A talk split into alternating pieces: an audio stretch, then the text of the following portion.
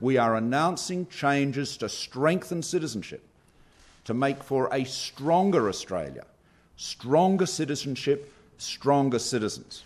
Az ausztrál miniszterelnököt Malcolm Turnbull-t hallották, ahogy áprilisban az állampolgárság feltételéhez kötött változásokat, szigorításokat bejelentette, megnehezítve az állampolgárságra várók helyzetét. A bejelentett változások értelmében a permanent, ideiglenes letelepedési vízummal rendelkezőknek négy évet kell majd várakozniuk, mielőtt jogosultak lennének az állampolgárságra. Ez nagy változás, mivel ez korábban csak egy év várakozást jelentett. Szigorúbbak lennének az angol nyelvvizsgák. A bevándorlóknak bent hatos szintet kell bizonyítaniuk az ILT rendszerben. Az etnikai közösségek vezetőjének éves konferenciáján Darwinban azzal foglalkoztak, hogy ezek a változások milyen hatással lennének az ország multikulturális társadalmára.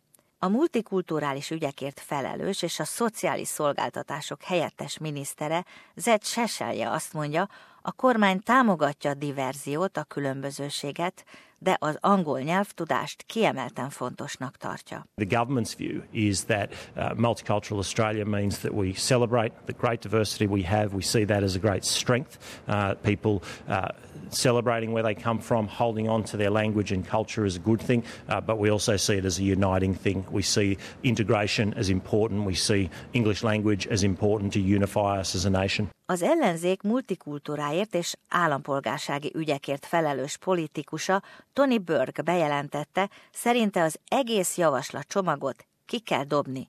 Az új akadályok kizárnak bizonyos közösségeket, bizonyos nyelvi háttérrel rendelkező etnikumokat, mondja. When you look at how they've set these rules up, you'll need university level English if you come from Asia, but you won't need university level English if you come from England. You know, university level English if you come from Africa, but not if you come from North America.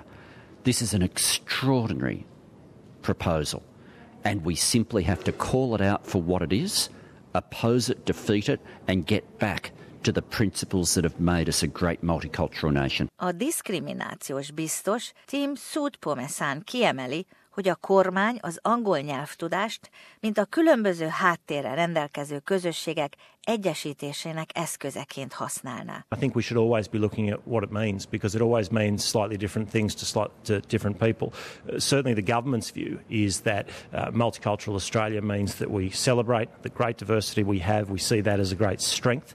Uh, people uh, celebrating where they come from, holding on to their language and culture is a good thing, uh, but we also see it as a uniting thing. We see integration as important. We see English language as important to unify us as a nation. Tom Burke azzal érvel, hogy a kormány az állampolgárság megszerzéséhez fűződő ügyeket ne használja fel politikai előnyszerzésre. The voices of hatred have always been there. The voices of anger, the voices of prejudice have always been around. What matters is whether or not we let them win.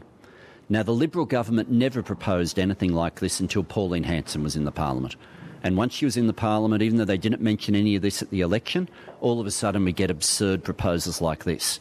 I want to get back to a situation where celebrating multicultural Australia isn't a political football. I want it again to be something that both sides of politics agree on.